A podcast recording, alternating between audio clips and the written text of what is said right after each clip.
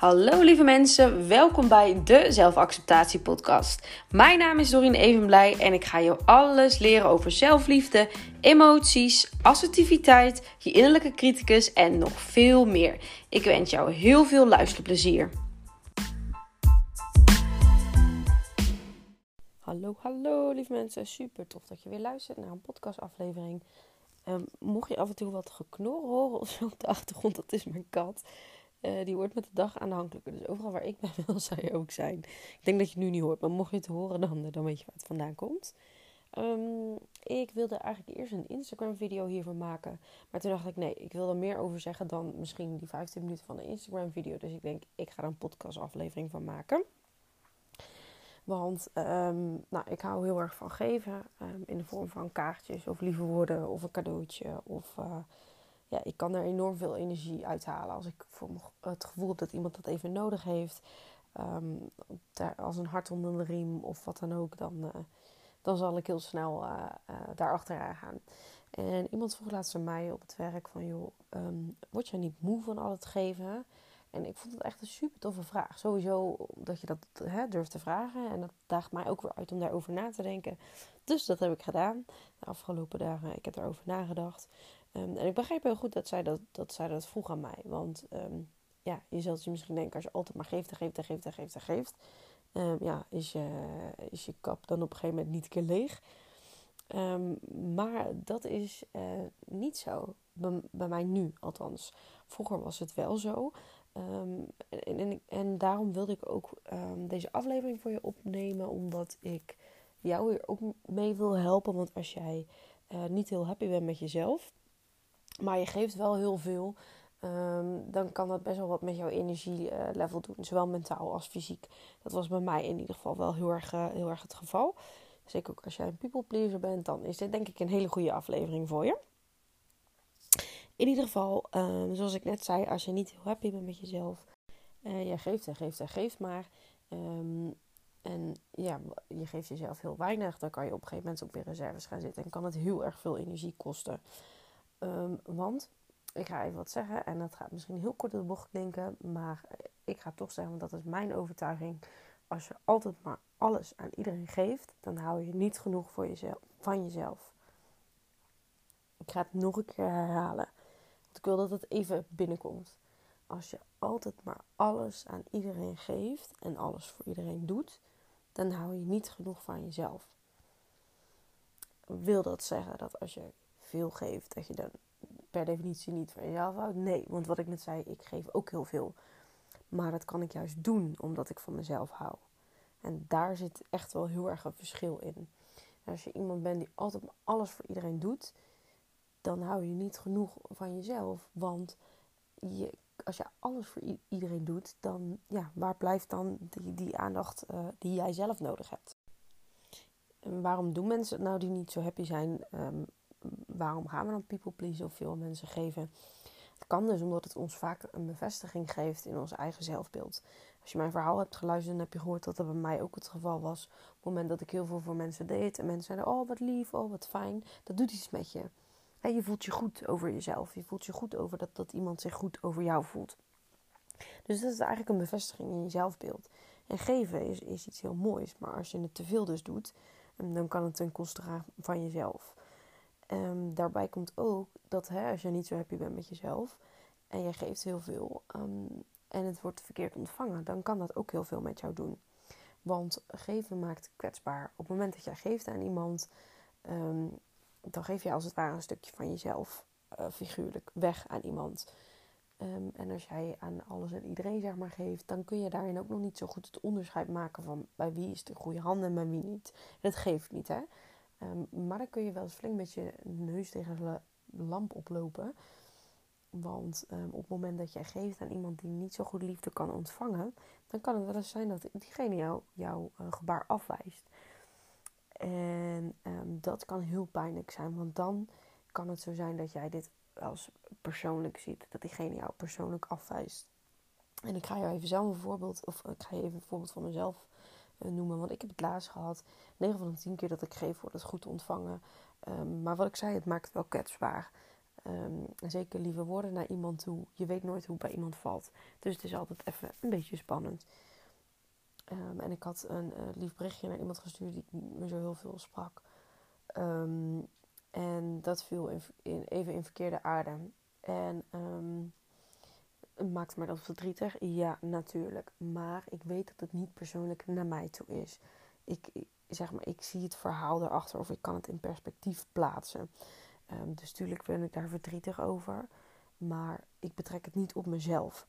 Maar op het moment dat jij uh, ja, een laag zelfbeeld hebt of niet zo blij bent met jezelf, dan op het moment dat jij heel veel geeft en mensen gaan jou eh, soms afwijzen, want dat gebeurt nou eenmaal. Niet iedereen kan er op dat moment mee omgaan of, of uh, je geeft niet op het juiste moment of je iemand heeft de verkeerde dag, je weet het nooit.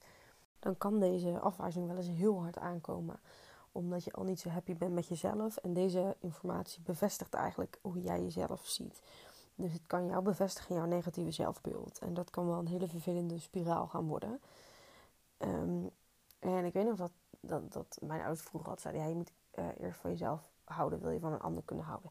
ik dacht altijd, ja, dat is ook cliché. En jij zult het vast ook wel eens ergens gelezen hebben of gehoord. ik dacht al, ja, maar ik doe altijd alles voor anderen. Dus ik hou heel veel van anderen en niet van mezelf. Maar het is echt zo. Hè, dat is ook het antwoord wat ik dan gaf. Um, niet als ik nu vertel, maar ik heb een korte versie verteld. Maar aan mijn collega, nee, ik word daar niet moe van. Omdat ik mezelf heel veel geef. En omdat ik mezelf heel veel geef en hè, um, zeg maar heel veel in mijn, in mijn emmertje stop. Um, ja, stroomt dat emmertje over. Waardoor ik gewoon aan anderen heel veel te geven heb. En dat is gewoon heel erg fijn. Want ik geef misschien net zoveel, of nee, niet net zoveel, vroeger meer, maar laten we even zeggen net zoveel als vroeger. Maar vroeger was de intentie heel anders. En vroeger kon ik ook niet meer omgaan hè, als ik daarin werd afgewezen, want oh, daar was ik echt van overstuur. Um, dus als jij echt het fijn vindt om te geven en mensen te helpen, dan ga dan alsjeblieft eerst aan jezelf werken. Want zoals we altijd zeggen, you can pour from an empty cup. Maar dat is echt zo. Je moet eerst heel die kap vullen, zeg maar, wil je anderen kunnen geven.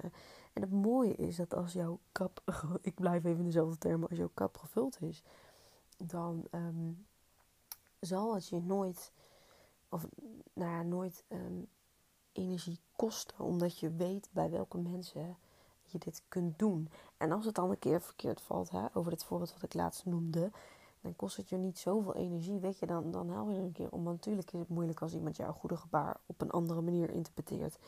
Maar dan, dan kun je je daarbij neerleggen en dan raak je er niet super erg van overstuur. Dus ehm, vind je het fijn om te geven en te helpen, wat ik net ook zei, ga eerst in jezelf investeren. Ga aan jezelf geven. Zie het gewoon letterlijk voor je als een emmer die je langzaam, die, die nu leeg is, omdat je niet van jezelf houdt.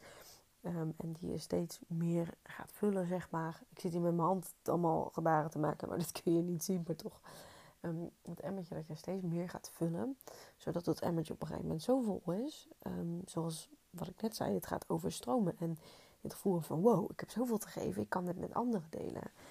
En geloof me, op het moment dat je jezelf zoveel geeft en anderen ook kan geven, dan krijg je daar zoveel energie van.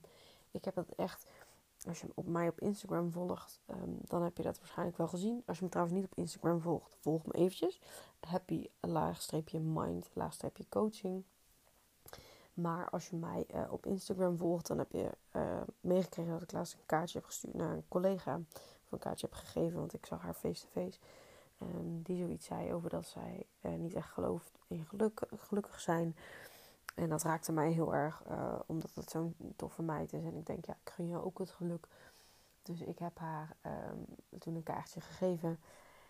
Waarop ik zei uh, dat ik haar het geluk gunde. Dat ze een leuke meid is. En dat ik hoop dat ze dat wist van zichzelf. Um, en ik krijg daar zoveel energie van. Het idee dat iemand zich dan speciaal voelt op dat moment. Um, en dat iemand denkt, wauw, heb je dat voor mij gedaan? Maar dat zei zij ook van, wow, dat je al die moeite hebt gedaan.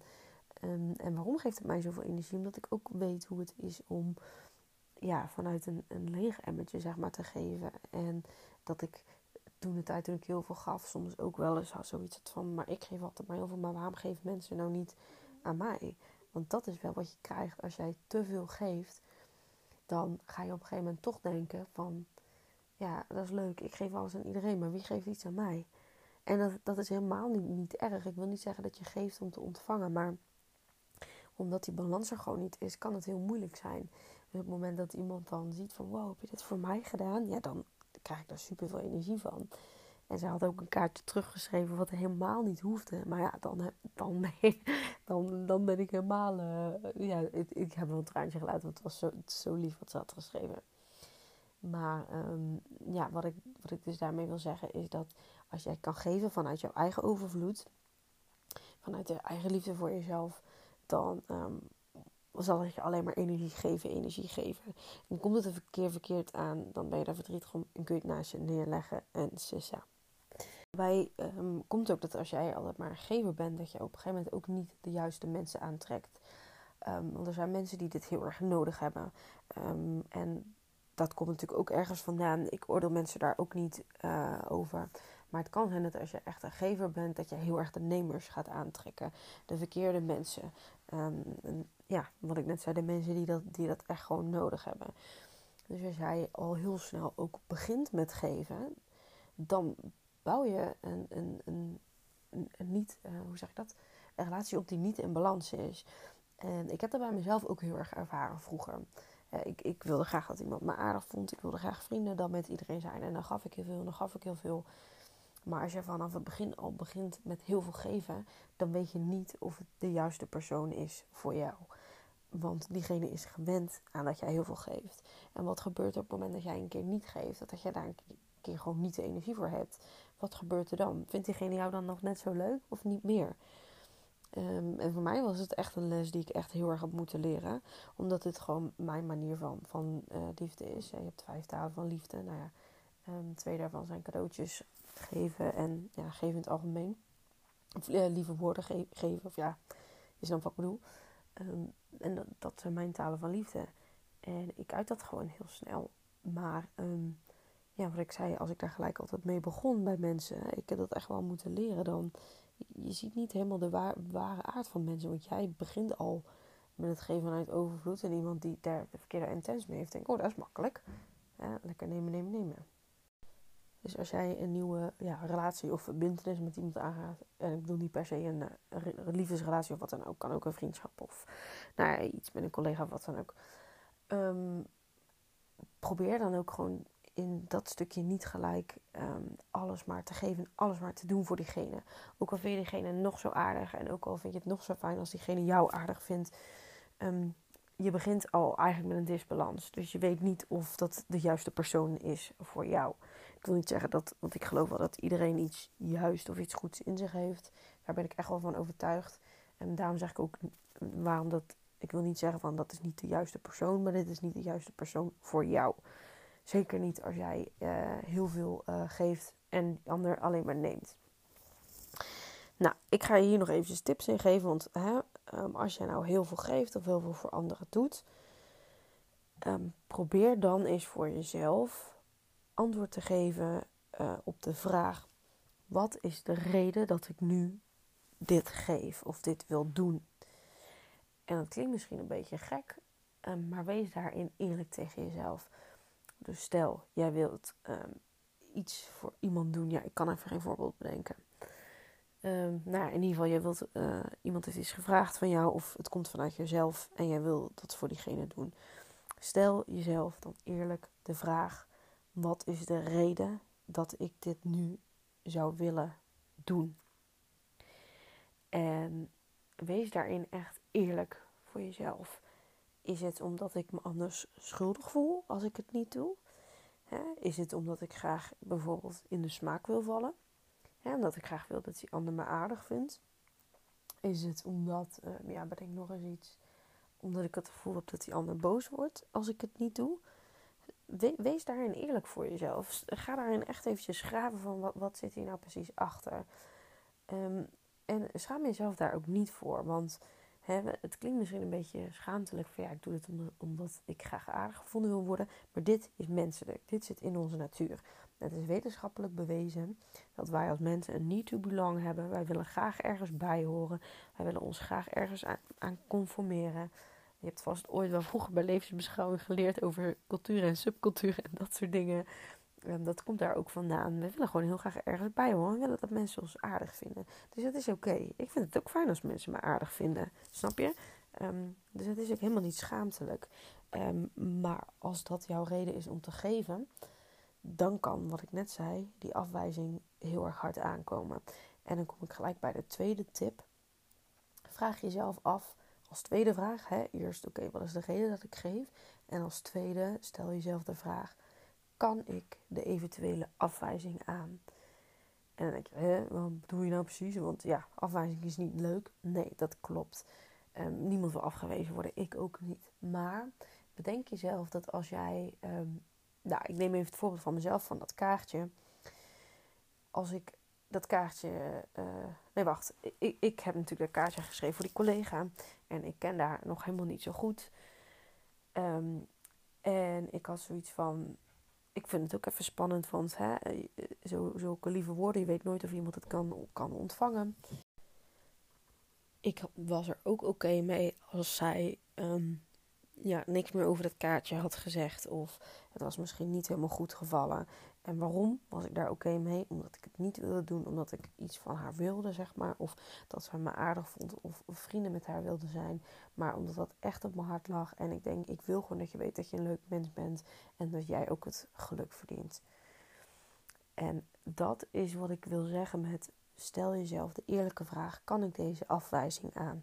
Als jij iemand heel aardig vindt en je vindt het fijn dat die ander jou ook aardig gaat vinden. Um, en nogmaals, wat ik net zei, dat, dat is niet erg, dat is geen schaamte, dat zit in onze natuur. Maar als je het gevoel hebt dat jij iets gaat geven, omdat je graag wil dat die ander jou aardig vindt, kun je dan de afwijzing aan. Als, als het niet het resultaat oplevert wat jij zou, had verwacht. Dat het misschien jullie dichter bij elkaar brengt. Of dat, je, dat dat ervoor zorgt dat jullie een keer wat leuks gaan doen samen. Kun je, kun je dit dan aan? Kun je dit dan dragen? En als het antwoord is ja, dan zou ik zeggen, lekker doen. Maar als je voor jezelf zoiets hebt van, oei, stel ik zou uh, een lief kaartje aan iemand schrijven. Ik, ja, ik hou het even het van het kaartje, maar ik zou een lief kaartje aan iemand schrijven en iemand gaat daar niet goed mee om. Um, en ik zou het best wel moeilijk vinden. En ja, ik, omdat ik graag vrienden met diegene wil zijn. Um, vraag jezelf dan af, hè, moet ik dit nu doen? Kan ik dit nu dragen? En um, ja, dat wil ik je eigenlijk altijd als tip geven op het moment dat jij heel veel geeft. Je hoeft niet iedere keer als je geeft het jezelf af te vragen. Hè? Want geven, dat vinden we nou helemaal fijn als mensen. Maar als jij een overgever bent, zeg maar. Of heel uh, uh, snel alles voor iedereen doet. Of graag, of graag pleased. En je, je hebt het gevoel dat je, die, dat je uh, ja, die neiging hebt om dat te gaan doen. Stel jezelf dan dus even samengevat. Twee vragen. Eén, wat is de reden dat ik nu geef? Hè? Wat zit hierachter? En uh, twee, kan ik de afwijzing daarvan aan als het resultaat niet oplevert um, wat ik eigenlijk verwacht dat het op had geleverd. Dus als je in principe geen waarde hecht aan de uitkomst hiervan. Stel jezelf dan die twee vragen en dan zal het jou al een heel stuk gaan helpen om keuzes te maken om bepaalde dingen niet te doen. Of misschien juist wel, dat kan natuurlijk ook. Nou, ik hoop in ieder geval dat je hier heel veel uh, aan, hebt gehad. Um, en nog een laatste keer, you can pour from an empty cup. Dat is echt zo. Dus ga eerst je eigen kap, ga eerst je eigen emmertje vullen. En ga daarna ervaren hoe super, super gaaf het is om te geven en te zien wat dit met mensen doet. Nou, ik, uh, ik ga jou uh, bij de volgende weer zien hopelijk. Doei! Super tof dat je deze aflevering hebt geluisterd. Heb je er nou iets aan gehad? Zet hem dan zeker in je Instagram verhaal en tag mij even via happy-mind-coaching of laat een review achter.